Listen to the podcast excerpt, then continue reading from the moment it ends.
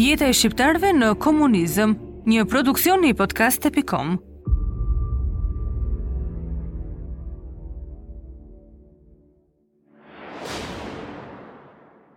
Internimet dhe dëbimet.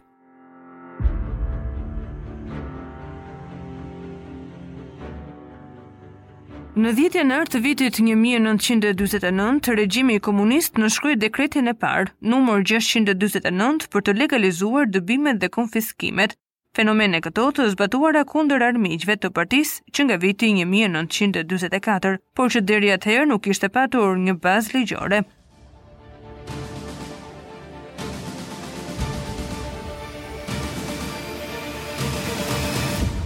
Përmbajtja i dekretit gjashtëqind e dyzet e nëntë u integrua më dy gusht të vitit një mijë e nëntëqind e pesëdhjetë e katër me dekretin numër një mijë e nëntëqind e gjashtë i cili prezantoi zyrtarisht edhe masën e internimit si masë administrative për kundërshtarët politikë dhe mbylli kështu në një mënyrë efektive epokën e errët të kampeve të përqendrimit.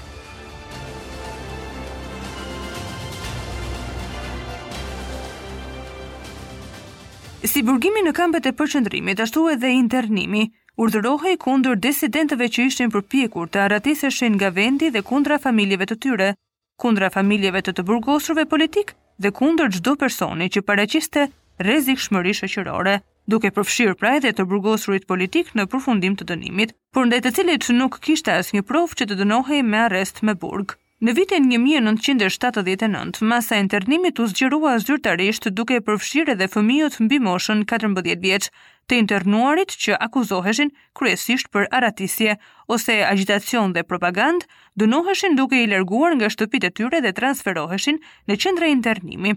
Në shumë raste, kohëzgjatja e internimit i kalonte 20 vjet.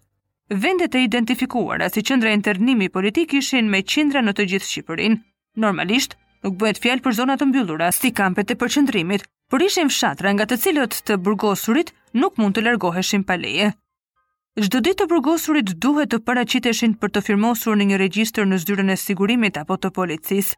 Zonat më të njohura ishin fshatrat në rrethet e Fierit, Lushnjes, Vlorës e Beratit. Por në të vërtetë, e gjithë Shqipëria kishte fshatra për këtë qëllim. Kriteri i përgjithshëm ishte se banorët e veriut internoheshin në jug dhe anasjelltas, duke zhdukur kështu kontaktin me territorin e origjinës dhe me miqësitë e vjetra.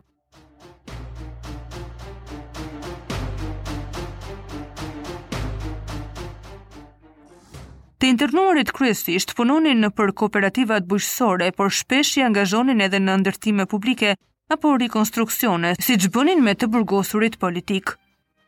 Internimi vendosej ose tërhiqej sipas propozimit të sigurimit nga Komisioni Qendror i Internimit dhe i Dëbimit, i përbërë nga shtatë anëtarë, i ngritur pranë Ministrisë së Brendshme. Sigurisht që çdo vendim mbikëqyrej nga partia, internimi zbatohej si masë administrative dhe për të dënuarit për krime të zakonshme, me propozim të policisë.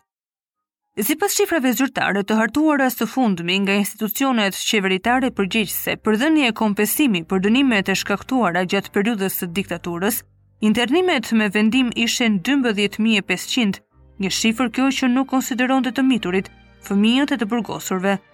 Sipas një raporti të publikuar në vitin 2016 nga Instituti i Studimeve për Krimet dhe Pasojat e Komunizmit në Shqipëri, në periudhën 44-90, Të burgosurit ishin 59 mijë e nëntë. Sipas të njëjtit raport, të vdekurit për shkak të kushteve të internimit ishin 7 mijë e 22. Një masë e butë e kufizimi të lirisë si pasojë e internimit ishte ajo e dëbimit sipas së cilës një person ose një familje i urdhërohej nga Komisioni Qendror që të largohej nga shtëpia e vet dhe të transferohej për të jetuar në një zonë tjetër që mund të ishte deri në tre rrethe larg. Në dallim nga personi i internuar, personi i dëbuar mund të lëvizte në disa rrethe, përveç atij të origjinës, pa qenë nevoja të bënte kontrollin e përditshëm te punëtori operativ apo tek ai i policisë. Përpara se të lëshohej dekreti numër 649 në vitin 1949, i cili legalizoi dëbimin, kryhej një procedurë shumë e ngjashme me dëbimin që zbatohej përmes Komisionit të Urbanizimit.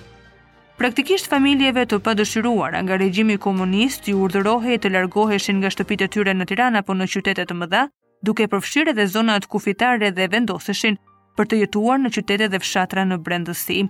Në këtë mënyrë, regjimi komunist synonte të popullonte qytetet vetëm me njerëz të besuar dhe pranë partisë duke i dërguar shqiptarët me biografi të keqe në qendrat më të izoluara.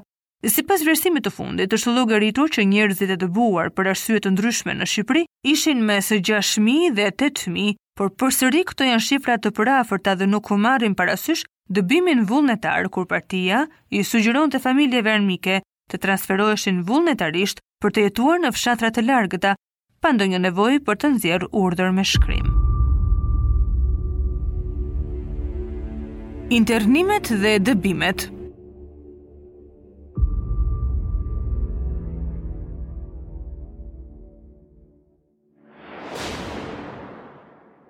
Jeta e shqiptarëve në komunizëm Një produksion i podcast.com